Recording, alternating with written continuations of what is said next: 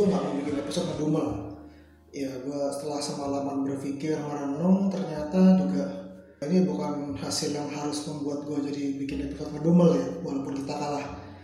Mungkin nanti ini bakal kayak apa ya, opos opinion orang-orang di yang lain ya, tapi ya gak apa-apa lah, gue stick sama gue apa namanya maksudnya uh, tetap kekeh sama uh, keputusan gua buat tidak ngedumel di episode kali ini. Jadi langsung aja secara overview kita uh, kalah 2-1 kalah away kita yang kesekian banyak nanti gue sebutin di next pembahasannya. Kita pertama unggul dulu 1-0 lewat golnya dari Harry Kane itu gol yang sebenarnya ajaib sih ya. Kayaknya cuma Harry Kane doang yang bisa ngegol dari posisi jatuh ya. Dia bahkan nge sambil tiduran. Kayak gue baru lihat gol striker tuh kayak gitu doang sih emang bagus sih gue apa itu golnya bagus. Prosesnya juga bagus berawal dari apa ya skema counter yang cantik lah. Gue lupa sih yang oper pertama tapi Lamela dapat bola terus dia oper terlepas ke Son Son tinggal back heel terus dapat bola. Semua itu uh, markingnya Soyuncu yang bagus ya. Dan ya gue ngerti sih kenapa Leicester mau dengan santai ngelepas Maguire ya karena emang dia dapat 80 juta plus bisa masih ada apa namanya masih punya si Soyuncu ini ya. Gue emang Soyuncu ini bagus sih sebenarnya back Turki asal ya Turki dia gue lupa kayaknya usianya masih muda juga. Ya makanya bagus sih. Mereka uh, overall bisnis yang bagus. Balik ke golnya Ken ya ya sebenarnya dia udah hilang keseimbangan ya. Maksudnya kayak Soyuncu dan si siapa tuh? Chilwell yang mark, marking si siapa namanya? Si Son terus uh, Evans. Ketinggalan si emang posisinya tapi ya itu udah uh, defense yang terbaik yang mereka lakukan ya. Mereka juga dapat peluang tembak tapi emang kayaknya yang ajaib aja gitu ya ini salah satu momen-momen ajaib yang mungkin yang udah lama kita lihat ya sebenarnya ya. gitu. tapi ya uh, gol indah ini jadi nggak begitu berarti ya karena uh, pada akhirnya Leicester bisa membalikkan keadaan mereka uh, bisa apa namanya mencetak dua gol membalikkan keadaan di babak kedua uh, sebelumnya ada VAR juga yang awal golnya dari uh, siapa namanya uh, Sergio Aguirre, Sergio Aguirre hmm, habis itu momentumnya pindah ke Leicester dan ya udah seperti yang kita tahu Leicester uh, bisa akhirnya membalikan keadaan.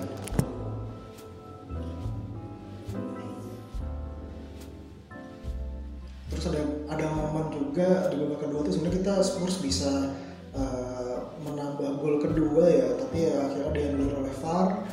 Uh, habis itu momentum pindah ya ke Leicester dan yang seperti kita tahu hasil akhirnya uh, Leicester bisa mencetak dua gol membalikan keadaan gitu. Terus hmm, mungkin uh, apa namanya dari starting lineup juga berubah sedikit ya. Jadi kita bikin berapa sih ntar kita satu dua tiga empat lima. Ya lima perubahan dari starting enam. Dan so eh ya enam atau lima ya? Coba itu tunggu Gazaniga masuk ganti Norris hmm, terus oh iya uh, gue lupa dari kesempatan ini gue juga mengucapkan selamat untuk kelahiran dari anaknya Hugo Loris jadi semalam Hugo Loris tidak bisa tampil karena harus menemani istrinya yang melahirkan ya.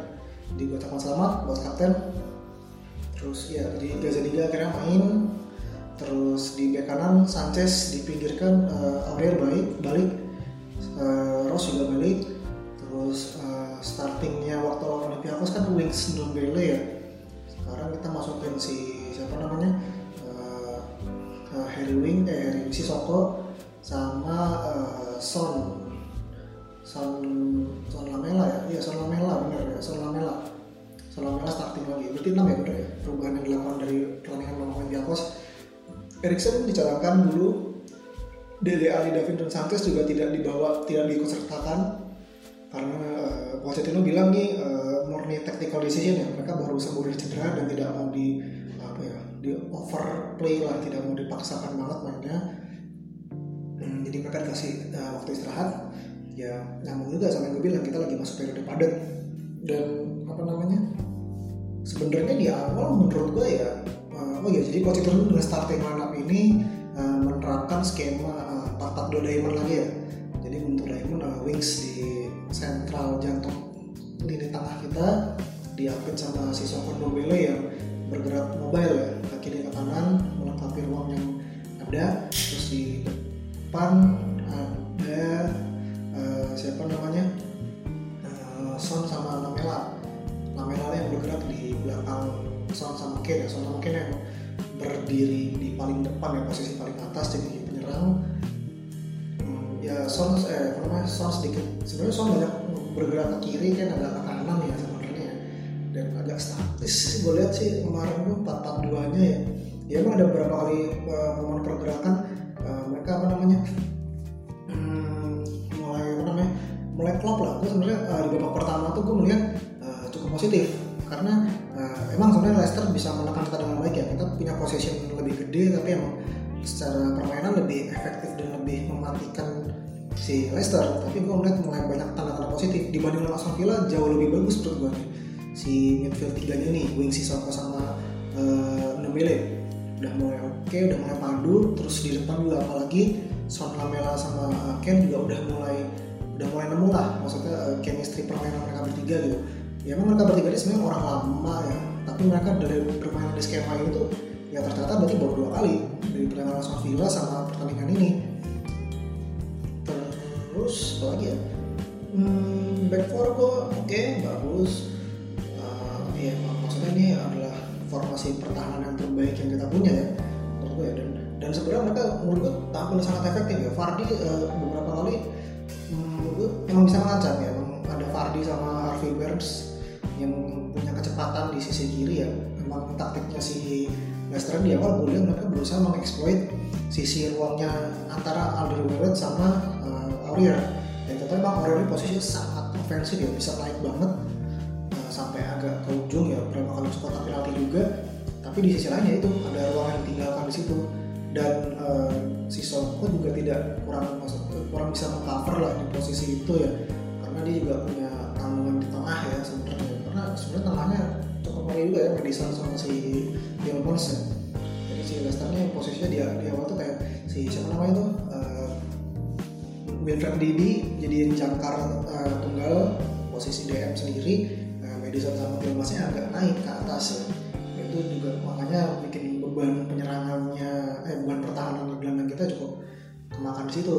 Dan Ben Chilwell juga bisa memberikan apa namanya opsi uh, apa namanya penyerangan di sayap yang cukup bagus menurut gua. Berkebalikannya di sisi kiri Denny Rose lebih sedikit ke belakang ya. Memang sebenarnya tuh sisi yang penyerang kita tuh lebih mengancam di kiri ya. Kita banyak menyerang di kanan tapi nggak begitu banyak bikin peluang di situ. Kebalikannya di kiri kita tuh cukup uh, beberapa kali lebih berbahaya ya. Karena sudah Son juga yang punya kecepatan. Uh, ada faktor si Ricardo Pereira. Ini kebalikannya apa namanya seperti mirrornya kita lah. Kita punya Serge Aurier kita punya Pereira. Sama-sama di kanan sama-sama fullback yang ofensif dan itu menimbulkan uh, ruang di situ. Jadi kebalikan si Ross sama Chilwell juga saling mirroring each other gitu. Jadi ya sama-sama lebih bertahan. Chilwell mungkin rapi, rapi banget defense-nya ya. Maksudnya karena uh, dia tahu maksudnya kalau di kiri itu kan dia ada Son ada Ndombele ya berapa kali ikut naik atau Wings yang ikut naik juga. Uh, Ross kasih cover di belakangnya. Itu cukup mengancam banget cukup merepotkan pertahanannya pertahanan Leicester sedangkan di sisi kanan kita tuh penyerangnya tuh cuma cuma murni ngasih ke Aurier kebanyakan ya. Emang sisa aku berapa kali uh, ikut bantu ke situ tapi nggak selalu. Kebanyakan tuh emang si Aurier tuh uh, isolir banget di kanan. Dia cuma punya opsinya tuh untuk kirim crossing langsung dan hold up play di situ. Sampai ada teman-teman yang nyusul entah itu Ndombele, Sissoko, Wings atau Kane atau Son yang mungkin pas lagi di kanan. Dan itu ya itu menghambat banget gitu karena lo hold up play di situ tuh malah bikin si Leicester ini jadi udah reorganize pertahanan mereka gitu. Jadi mereka udah siap buat menerima serangan dari Spurs gitu. ya mereka udah sangat baik ya. Ya, so Yunju Evers nih surprisingly emang bagus sih. Gue emang jarang nonton Leicester ya kayak musim ini baru nonton kayak dua kali sama ini ya dan ya ya itu sih maksudnya mereka kehilangan seorang siapa namanya Harry Maguire buat mengangkat So Yunju ya. Bagus gue suka sih. Kenapa jadi bahas Leicester gue ya? Emang gue podcast Leicester Oke terus um, di babak kedua sedikit ada perubahan dari Spurs. Oh, tapi ini gue bahasnya ntar aja deh, gue pengen sekarang kayak tactical explanation lagi ya kayak kayak episode yang kemarin lagi karena gue menemukan sedikit beberapa taktikal yang menarik ya. Tapi gitu, secara overall uh, itu menurut gue tuh adalah satu hal yang positif ya. Emang gue nggak bisa bilang ini 100% skema Diamond kita ini bisa bekerja gitu. Ya mungkin di era Pochettino udah adalah skema yang dicoba kesekian kalinya ya dia pertama bikin apa namanya uh, main 451 terus uh, apa namanya berubah ke tiga empat tiga terus sempat musim lalu tuh emang sempat pakai diamond juga tapi emang nggak sering karena emang lebih ke faktor kepepet. Uh, sempat pakai tiga lima dua juga. Oh sorry sebelum sebelum tiga empat tiga itu kan tiga lima dua dulu. Pertama tuh yang gue tahu tuh waktu lawan Arsenal yang masih ada Kevin Wimmer bunuh diri. Terus baru balik empat lima satu tiga empat tiga tuh yang yang winning formationnya Spurs ya waktu itu ya yang bisa ngalahin top tren kemenangannya Chelsea-nya Conte. Terus habis itu ya sempat ya kita banyak balik ke 451 lagi. Terus sempat ke 433 musim lalu karena ya lagi-lagi faktor kepepet. Dan akhirnya sekarang kita nyoba balik ke diamond lagi. Dan ya sebenarnya uh, gue ya tadi gue nggak bisa bilang ini 100% udah bekerja skema ini. Tapi udah menunjukkan peningkatan yang signifikan menurut gue ya emang uh, lu susah menilai permainan bagus dari mereka di pertandingan yang Leicester bisa menekan ya. Memang posisi kita menang sih. Cuma ya emang tekanan Leicester ini gua emang bagus. Kita nggak bisa bongkar itu. Tapi ya maksudnya ya kita masih bisa melawan itu gitu ya. Gue nggak bilang Leicester nih ya mungkin lo di atas kertas ngomong kayak Leicester terus ya kalau lo tim top bisa dikalahin enggak coy Leicester tuh mainnya bagus karena mereka peringkat ketiga juga kan gara-gara menang lawan kita terus uh, ya tadi front juga udah mulai bekerja beberapa kali momen mereka bisa bikin uh, skema penyerangan yang bagus lah ya. Ya sebenarnya front three itu ya kalau skema skema counter tuh ya kayak main futsal nggak sih lu yang kayak lu oper satu terus yang satunya kayak bikin lari dari belakang atau lari diagonal ke depan gitu. Itu udah kemarin udah mulai beberapa kali keluar cuma uh, kemarin tuh ada faktor menurut gue beberapa kali uh, Son sih ya menurut gue ya yang lebih ini kelihatan. Dia indecisif banget ya. Decision making dia tuh uh, kurang. Mungkin dia harusnya tidak memaksakan buat uh, dribble dan shoot tapi dia memaksakan itu. Bisa passing bisa crossing mungkin tapi tidak dia lakukan. Gitu sih uh, detail-detail kecilnya yang ini yang kelihatan di gua ya. Emang kemarin tuh menurut gua kita kalahnya di detail kecil gitu. Ya gitulah secara overall permainan dan apa namanya pertandingan kemarin. Terus menurut gua adalah key momennya kemarin ya kenapa hasilnya bisa seperti itu ada dua menurut gua. Pertama VAR jelas. Sebelumnya emang Leicester di babak pertama ada gol yang dianulir karena VAR ya yaitu dari Gazaniga yang sempat uh, tidak sempurna melakukan save ya. Dia mentalnya terlalu jauh ngebloknya terus bisa dipungut sama Didi sama Tillmans yang dua orang itu. Tapi ya ternyata dia sama VAR ya. Emang offsetnya jauh banget sih itu dan kita di babak kedua tuh dapat hal yang sama lewat VAR ini ya. Dan ini menurut gue nih sih nyesek banget sih ya maksudnya. Karena itu benar-benar mengubah jalan pertandingan banget. Itu tuh harusnya gol yang bisa membunuh Leicester. Menurut gue ya kan babak kedua tuh punya momentum dari awal. Dan ketika tuh gol itu tuh gue kelihatan dari gesture pemain kayak mereka udah kayak wah coy shit kita kalah. Udah kita lepas aja pertandingannya kita sekarang cari gol liburan mungkin ya. Tapi uh, akhirnya dia harus sama VAR dan menurut gue ini kejam banget sih lu cuma gol yang selisih sekian milimeter ya lu bahkan kalau lihat dari uh, apa namanya replay VAR-nya ya melihat tayangan VAR-nya tuh. Tapi ini uh, kejam banget sih ya menurut gue ya VAR-nya ini. Karena uh, tipis banget kayak apa namanya ya sekitar cuma sekian milimeter. Lu tuh bahkan nggak bisa ngelihat apa namanya ya kan kelihatan kalau di VAR kan mereka kayak ngelurusin si uh, bahunya si Son sama kemarin tuh si Juni Evans ya ditarik garis ke bawah terus dibikin perspektifnya yang sejajar lapangannya terus ya emang atau kayak tipis banget tuh bahkan dari, garis itu saling tumpuk. Soalnya tuh kayak cuma offset sekian milimeter. Dan lu dengan menarik garis itu sebenarnya itu tidak bisa menarik kesimpulan kapan si Ndombele itu melepaskan umpan ke Son itu makanya kayak absurd banget menurut gue ya gue selama ini gue setuju sama VAR emang kadang-kadang beberapa kali putusannya tidak mengenakan di kita tidak terlihat make sense tapi ya yang ini tuh benar-benar absurd menurut gue ini merusak sepak bola sih menurut gue ya selain apa namanya uh, apa sih namanya gitulah. Apa namanya? Aduh lupa maksudnya ngomong apa. Ya gitu maksudnya emang tipis banget dan menurut gue ini harusnya jadi galat galat aja nggak sih? Kayak kayak ya udahlah kesalahan yang maksudnya masuk uh, ranah uh, toleransi toleransi dari se sebuah VAR ini. Hmm, dan ya ya kejam sih menurut gue itu benar-benar sebenarnya itu kelihatan kalau di lapangan dari itu kayak si Harry Kane masih gesture seorang kapten ya. Dia leader sini kayak misalnya kayak yaudah ayo kita move on kita fokus lagi kita cari gol lagi. Tapi pemain lain tidak menunjukkan spirit yang sama seperti itu. Ya, mereka cenderung loyo dan kita kecolongan. Colok ya itu.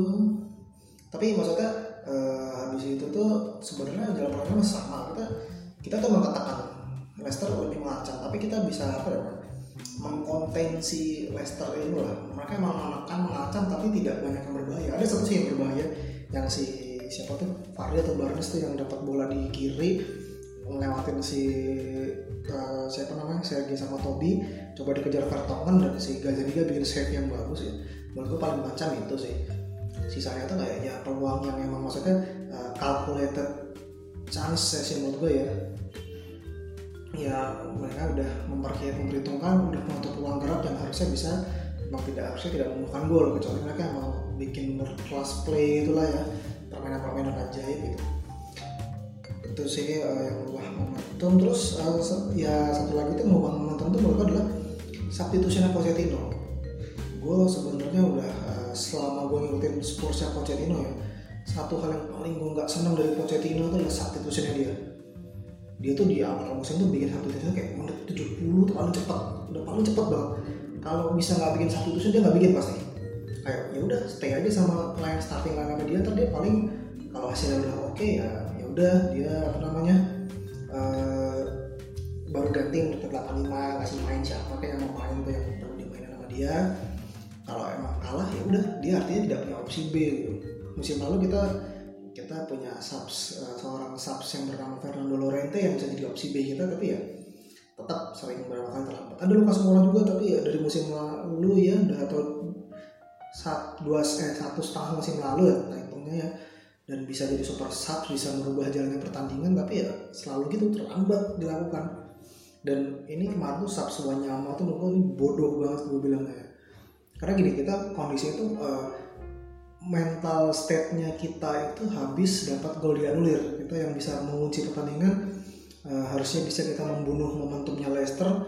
Kita uh, jadi kita yang dirugikan. Itu Leicester dapat angin kedua dapat angin segar kayak oh kita masih bisa uh, survive. Kita masih survive di pertandingan ini. Mereka coba menyerang lagi dan yang dilakukan Pochettino harusnya tuh kayak ya lu lawan tim menyerang tuh lu punya mereka tuh menekan banget pasti kan. Mereka tuh line itu line permainan mereka tuh bakal tinggi banget ke depan. Dan yang dilakukan Pochettino udah masukin Wanyama gantiin si Soko si Soko tuh menurut gue kemarin memang uh, apa namanya banyak yang bilang itu uh, si Soko mainnya jelek tapi enggak. Gue bilang dia oke. Okay. dia apa namanya uh, ya ya yang dilakukan si Soko seperti biasanya aja. Ya dia bermain seperti itu dan dia bisa menangkan bola bisa memimpin apa namanya uh, bikin transisi permainan juga. Tapi waktu kemarin tuh uh, si Soko tuh ada problem dia udah dapat kartu kuning di awal dan kelihatan si Soko ini kan emang gak temperamental ya. Mungkin Pochettino khawatir dan tapi ini absurd menurut gue ya maksudnya uh, lo mestinya tahu si Soko udah kartu udah kena kartu kuning dan dia pasti nggak bakal seagresif itu ya. Karena gue juga kayaknya gue nggak tahu si Soko ini terakhir kali dapet kartu merah tuh kapan. Dan andai kata pun tiba-tiba si Soko dapat kartu merah itu tuh kayak udah menit 60 sekian ke atas ya. Mungkin 70 sekian lah 70 sekian tuh. Lu bisa melakukan tactical adjustment mungkin lu nambah back tengah di situ lu bisa masukin Ben Davis misalnya kah? Atau ya tadi lu narik keluar Son Lamela buat numpuk gelandang di tengah juga bisa tapi emang nggak perlu dilakukan saat itu ketika kita umur satu kosong kita masukin Wanyama Wanyama tuh bener-bener titik lemahnya Spurs banget kemarin tuh gue nggak ngerti kenapa Pochettino masukin dia. Yang pemain yang udah hampir pindah pemain yang gue bilang udah habis lutut kiri kanan udah nggak ada udah nggak bisa lari udah asingnya juga udah berantakan nggak bisa tahan bola. Gue nggak ngerti kemarin mungkin kalau gue pribadi pun sekarang gue menilai uh, Oliver Skip sama Wanyama bagusan Oliver Skip segitu jahatnya penilaian terhadap Wanyama ini. Dan ya terbukti ya uh, maksud gue gol dua gol Leicester itu ada peran dari Wanyama. Lo kalau kemarin lihat tuh Wanyama begitu masuk dia hilang possession lepas possession nggak bisa kontrol bola terus dia bikin foul kartu kuning. Kayak dude lu ganti Sissoko yang dapat kartu kuning buat dapat kartu kuning juga gitu. Dia tuh ada yang salah. Entah salah dengan waktunya Wanyama atau salah dengan Pochettino ya itu sebuah kesalahan dan ya lu esensinya mengganti Sissoko tadi itu yang karena kartu kuning juga dapat kan. Dan uh, habis itu dia pas di gol pertama itu kan situasinya adalah uh, jadi kita lagi defense si Wanyama dapat bola di sisi kanan kita. Dia maksudnya mau passing gue lupa antara ke Serge Aurier atau ke si Son atau Lamela. Pokoknya dia mau passing tapi passingnya jelek ke intercept terus passingnya itu dikirim ke tengah siapa ya? Fardi kalau salah ya. Atau si Madison terus dia kirim ke Harvey Barnes. Harvey Barnesnya kirim crossing crossingnya ke deflect uh, terus di situ ada Ricardo Pereira yang ngambil bola muntah. Dan kalau udah triple lagi ya itu sebenarnya defense yang dilakukan orang juga benar teoretically itu ya udah yang tepat. Di situ ada si Alderweireld sama si Vertonghen yang di tengah. Ross juga tiang jauh Wings juga uh, nutup opsi passing buat apa namanya umpan tarik ya ke si Pereira umpan tarik langsung karena kemarin kan deflect kan jadi sebenarnya crossingnya ke depan gawang ke depan kiper tapi ke deflect jadi akhirnya bisa nyampe ke si Pereira. Terus si Ndombele juga cover space di apa namanya bola muntah tiang jauh. Itu mungkin ada gelandangnya ada si Ndidi kalau nggak salah ya. Ndidi atau Dennis Pride Dennis Pride udah masuk lupa. Dan apa namanya uh, si Pereira dapat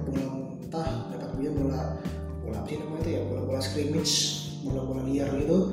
Nah, soalnya ditendang si Rose juga udah Rose juga sebenarnya udah benar dia udah dari tiang jauh dia bisa tinggal lurus buat menutup uh, peluang tembaknya Pereira. Tapi ya Pereira masih bisa menyepotkan bola ke gawang gitu ya. Emang sempat deflect juga. Ya walaupun gak deflect juga gue gak yakin bisa di save juga sih emang posisi enak sebenarnya. Ya teoretikal itu yang mereka lakukan yang Spurs lakukan secara di pertahanan udah bagus. Cuma ya tadi akar permasalahan udah si Wanyama yang salah passing itu. Itu itu tuh biang keroknya pertama sih. Gue tidak bermaksud menyalahkan tapi yang situasi seperti itu. Kita langsung point out aja apa yang terjadi di gol itu kalau gue ya.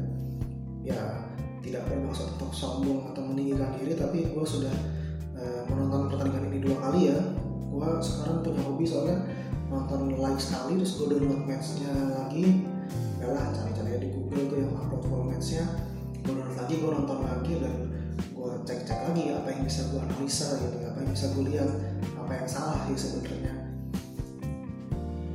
Terus juga gol kedua tuh gol kedua tuh juga uh, selain ke membahas Wanyama gue nanti sedikit menyinggung taktikalnya si uh, Brandon Rodgers ya yang kontras banget sama Pochettino jadi uh, situasi gol terjadi itu saat namanya lebih parah sih buat gol kedua tuh benar parah.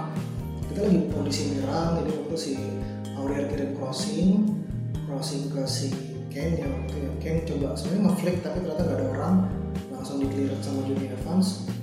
Uh, clearance-nya uh, dapat ke Madison. Dan ya ini sebenarnya lagi-lagi uh, apa namanya kesalahan textbook juga sih menurut ya. Lu uh, apalagi Wanyama gitu yang udah main sama Pochettino lama dia ngerti banget uh, seberapa pentingnya second ball ini buat Pochettino dan dia tidak bisa melakukan itu. Dia uh, tidak bisa apa namanya marking si Madison, Madison bisa ngelolosin diri dari dia. Bahkan harusnya apa namanya uh, lu bisa melakukan lebih baik gitu buat gue buat melakukan seorang gelandang bertahan ya. Akhirnya sih uh, Erikson yang ngejar bolanya si Madison terus apa namanya si ya maksudnya Erikson lu tau sudah ala kadarnya ya terpaksa dia bikin foul aja. Poin nggak sih waktu itu? Lupa. Terus habis itu si uh, Brennan Rodgers masukin Choduri si Eddie Brokoli ribu gede banget tuh itu kalau bola nyampe kepalanya dia kayak bolanya nggak bisa mantul tuh. Yang potnya di rambutnya tuh. Itu banget rambutnya coy ribunya ya udah dan situ tuh Choduri cuma bikin dua sentuhan buat sebelum terjadi golnya si Madison sama tuh dari set piece itu jadi uh, bola di rotate dulu sama si uh, Leicester ya di dari belakang terus dari siapa sih si yang dapat bola tuh ya si Son Yuju atau Didi atau Evan siapa dari belakang passing ke Choduri Choduri ini uh, dia kan menggantikan Tillmans ya. Tillmans itu posisinya agak naik ke atas agak numpuk sama si Madison. Akhirnya dia tuh ada turun ke bawah. Dia tuh kayak bikin skema sejajar sama enggak sejajar agak diagonal sama uh, siapa namanya? Si Didi. Oh berarti bukan Didi yang passing si Chodu eh si siapa namanya? Uh, yang back Turki tadi Soyuncu kayaknya. Kayaknya ya. Gue harus nonton lagi ya itu dia passing ke si siapa namanya? Uh, Choduri nah akhirnya mau nggak mau karena Choduri dapat bola di tengah ya si main sportnya agak harus agak ngepres ngepres ke tengah. Akhirnya meninggalkan ruang yang cukup lebar. Di lini keduanya pertahanan Spurs. Ya. back four-nya udah oke okay, udah bener yang mereka lakukan sejajar semua itu. Dia melebarkan bola ke si Chilwell ya tadi Cuduri itu. Uh, Chilwell langsung kirim bola diagonal bisa di clearance dengan baik sama si Alderweireld ya itu tuh yang ngejar siapa? Fardi ya kalau salah. Ya soalnya Harvey Barnes udah Harvey Barnes udah ditarik. Nah itu di situ mulai petakannya Cuduri itu udah lari udah siap lari sono dia dapat bola. Itu tuh nggak ada yang win nggak ada yang ngambil bola di situ. Mungkin dikejar sama Aurier atau Wins ya gue lupa gitu dan si Coduri itu tinggal sekali sentuh. Kasih bola ke si uh, Madison. Madison tuh kosong banget bebas. Nggak ada yang marking dan si Wanyama tuh yang posisinya paling dekat sama dia. Harusnya dia bisa ngejar tapi udah kalah lari udah bahkan kayak nyentuh Madison nggak bisa gitu. Ya, kita tahu lah Madison itu sebenarnya bukan main yang paling cepat bukan main yang paling hmm, apa ya paling kuat juga fisiknya tapi dia kalah si Wanyama ini. Dan bener-bener lowong banget buat uh, bikin shoot si Madison ini. Dan ya udah di situlah sebuah disaster kelas yang sangat kontras ya uh, kebrilianan taktiknya Brendan Rodgers sama si Pochettino ini ya.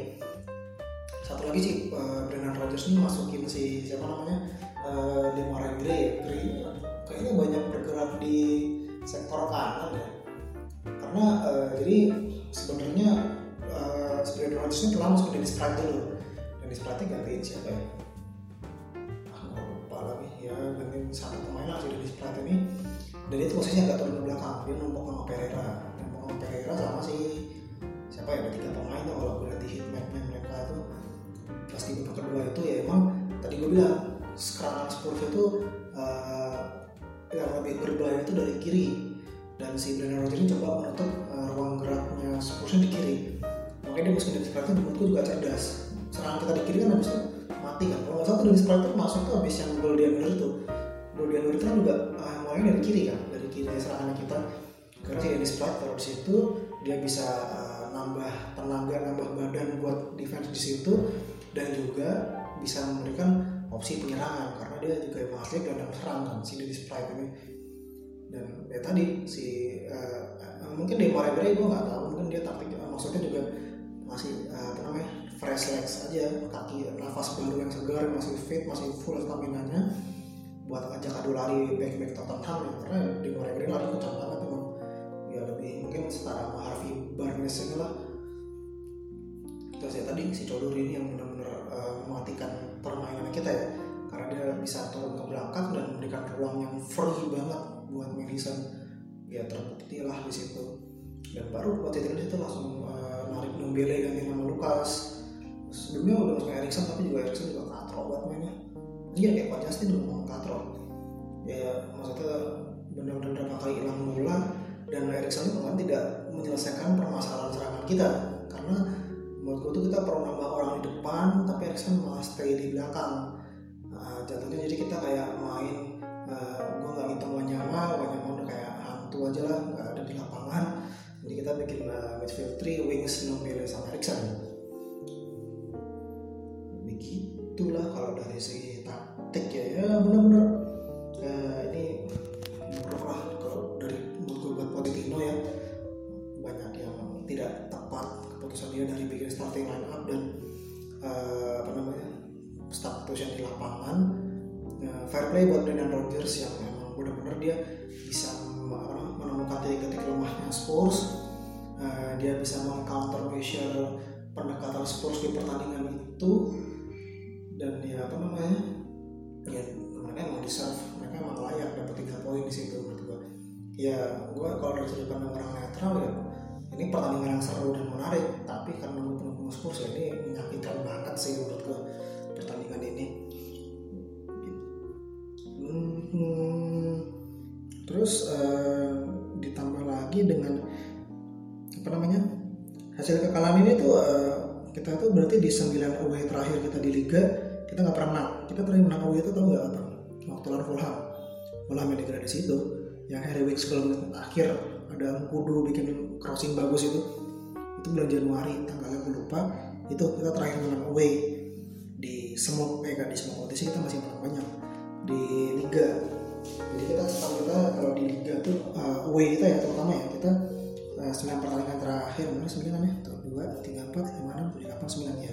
Seri 2 seri 2 itu yang lawan City sama Arsenal kemarin nah, kalah 7 di semua kompetisi kita itu uh, catatan kita itu uh, 10 kali kalah tiga kali imbang dua kali menang. Dua kali menang itu yang lawan Ajax sama Dortmund.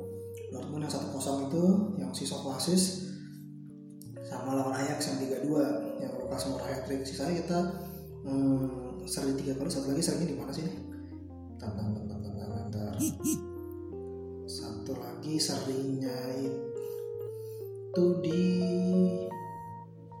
oh di Olympiakos kemarin ya, ya benar.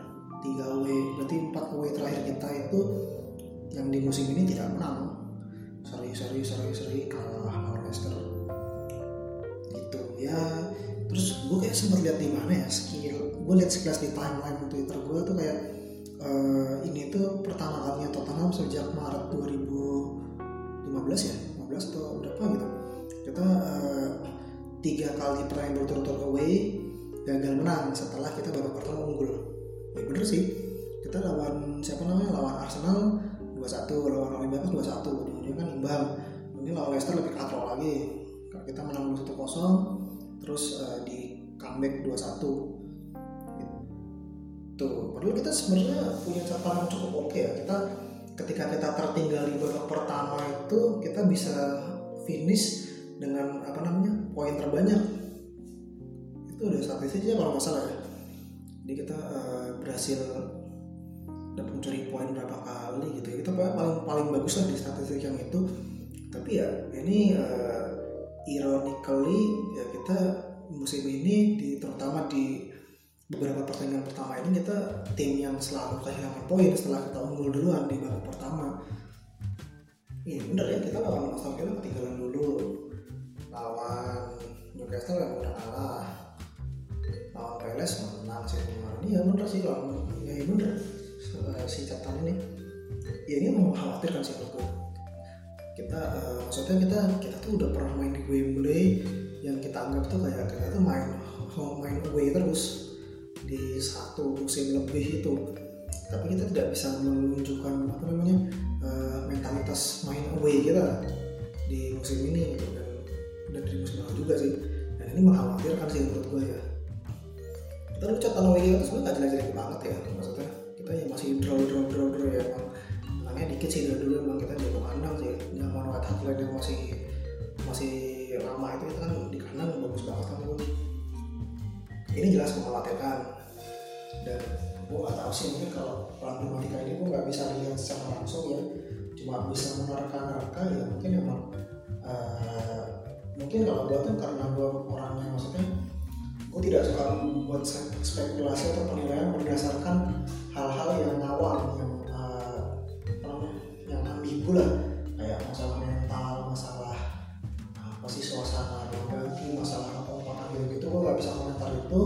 yang gue bisa lihat ya kayak dari statistik sama taktik. Ya gue selalu percaya sama itu ya. Kalau di beberapa pertanyaan ini gue udah dibahas juga ya mungkin nih taktiknya Pochettino yang tidak bagus.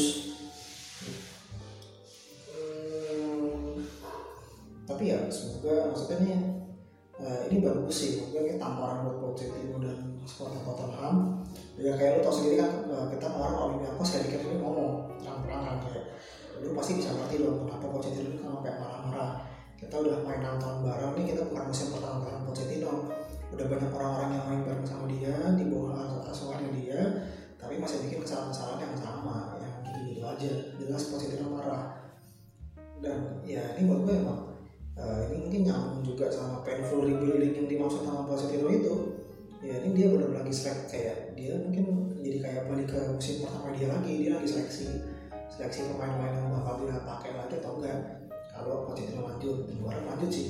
Dan gue rasa juga Levy nggak bakal ngecat Pochettino ya selama dia nggak degradasi. Ya nggak sih? Ya, gue percaya gitu sih. Karena Pochettino adalah the best thing that Levy could ever have.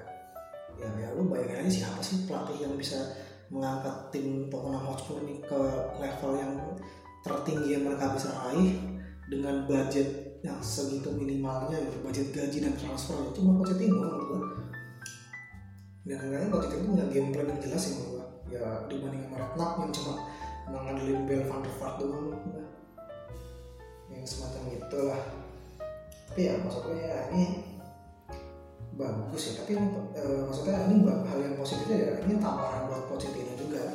Dan Spurs tadi itu seperti gue bilang ya ini ada yang salah dan mereka harus segera menemukan mana yang salah gitu. Dan ini bagus maksudnya lu menemukan kesalahan di awal musim ini bagus. Uh, ya emang musim masih panjang gue gue mungkin tidak yakin tidak tidak percaya juga Spurs bakal juara bersaing dengan City Liverpool. Gap kita dari segi kualitas dan taktik masih terlalu jauh. Tapi buat finish tiga gue masih optimis. Kita masih bisa ya karena faktor uh, rival-rival kita juga yang sedang tidak tidak meyakinkan juga ya mungkin hmm, terus mungkin tambahan terakhir uh, ini sih ya. Jadi dari semalam tuh gue coba mencerna segala informasi yang ada ya di internet segala opini-opini yang beredar. Uh, banyak yang bilang ini udah limitnya Pots udah. Apa namanya waktunya Pots mundur. Dia Pots ini pelatih bagus tapi ya dengan segala uh, apa namanya segala keterbatasannya dia tuh ya dia udah nggak bisa membawa Spurs ke level selanjutnya. Kalau gue pribadi gue tidak percaya dengan hal itu pertama yang harus kita camkan adalah di sini Pochettino adalah pelatih muda. Dia masih umur 47 tahun coy. Ya mungkin emang karir pelatih dia tuh dia mulai kecepatan dia udah mengatur dari usia 30-an tahun ya ketika dia setelah pensiun.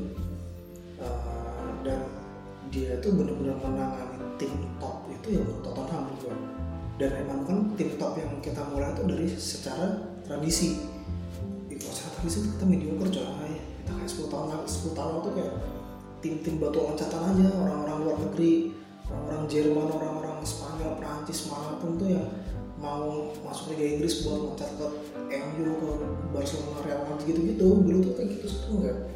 Dan tuh gua ini bedanya maksudnya lu ngebandingin sama klub ya. Klub yang megang uh, Liverpool Liverpool tuh secara historis udah mereka tuh tim top tim juara. Dan uh, apa namanya dan pemain-pemain itu ketika masuk Liverpool tuh mereka tahu mereka udah punya mentalitas gue main di tim top.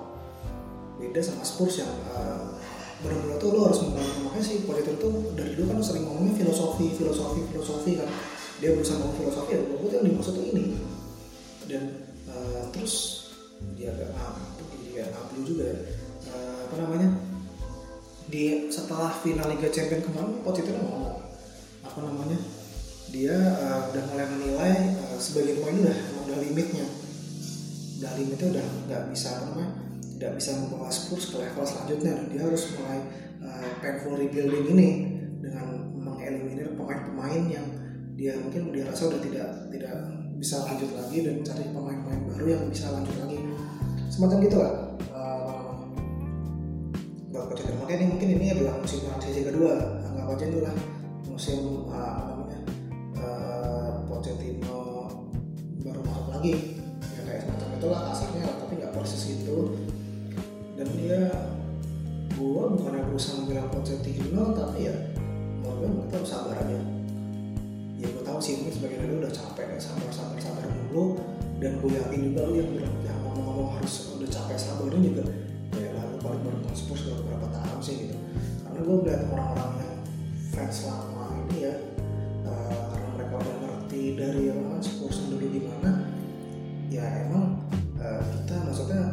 boleh terlalu cepat mengambil kesimpulan ya. Bukan berarti membela Pochettino bukan berarti kita terima dengan kondisi media mediokritas kita seperti ini tapi kita tidak boleh terlalu gegabah. Tuh. Sama ada satu hal sih ya uh, ini gue gak tau sih ini ini menurut gue hal positif yang uh, ini gue maksudnya menganalisa secara sepihak aja ya. Uh, apa namanya?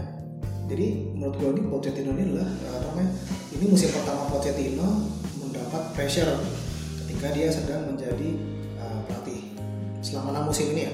Di lima musim sebelumnya mungkin orang-orang tuh tidak memberikan pressure dan ekspektasi Pochettino kayak ya musim pertama dia masuk Europa League udah oke musim berikutnya ya siapa sih yang nyangka ternyata dia sama si Leicester bisa bersaing buat juara. Musim berikutnya lagi kayak siapa sih yang nyangka ternyata Pochettino bisa apa namanya memberikan pressure buat Chelsea yang waktu lagi on fire banget. Musim berikutnya lagi ya kayak peringkat tiga nggak salah ya. Terus musim berikutnya lagi kayak siapa sih yang nyangka Pochettino dengan tanpa transfernya dia bisa masuk final Liga Champions gitu. Dan dengan segala pencapaian itu ya mungkin saatnya ini adalah saatnya Pochettino mendapat segala pressure dan ekspektasi itu. Ya mungkin uh, mungkin ya gue bilang Pochettino belum berpengalaman di sini juga ya. Selain dia tidak berpengalaman memegang suatu tim yang juara atau membawa tim juara tapi nanti ini bakal berubah ketika si seorang Pochettino ini benar-benar uh,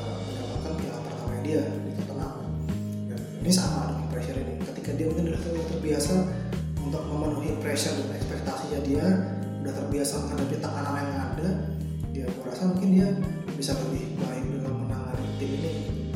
Ya ini menurut gue ini adalah era transisi kedua dari Spurs saat ini. Dan sekali lagi menurut kita harus sebagai pemain Spurs itu menurut kita harus sabar harus apa namanya turunkan ekspektasi dulu. Karena itu bakal indah banget ketika lo tidak berekspektasi ternyata kita mendapatkan hasil yang uh, di luar ekspektasi kita tuh enak banget luar biasa banget.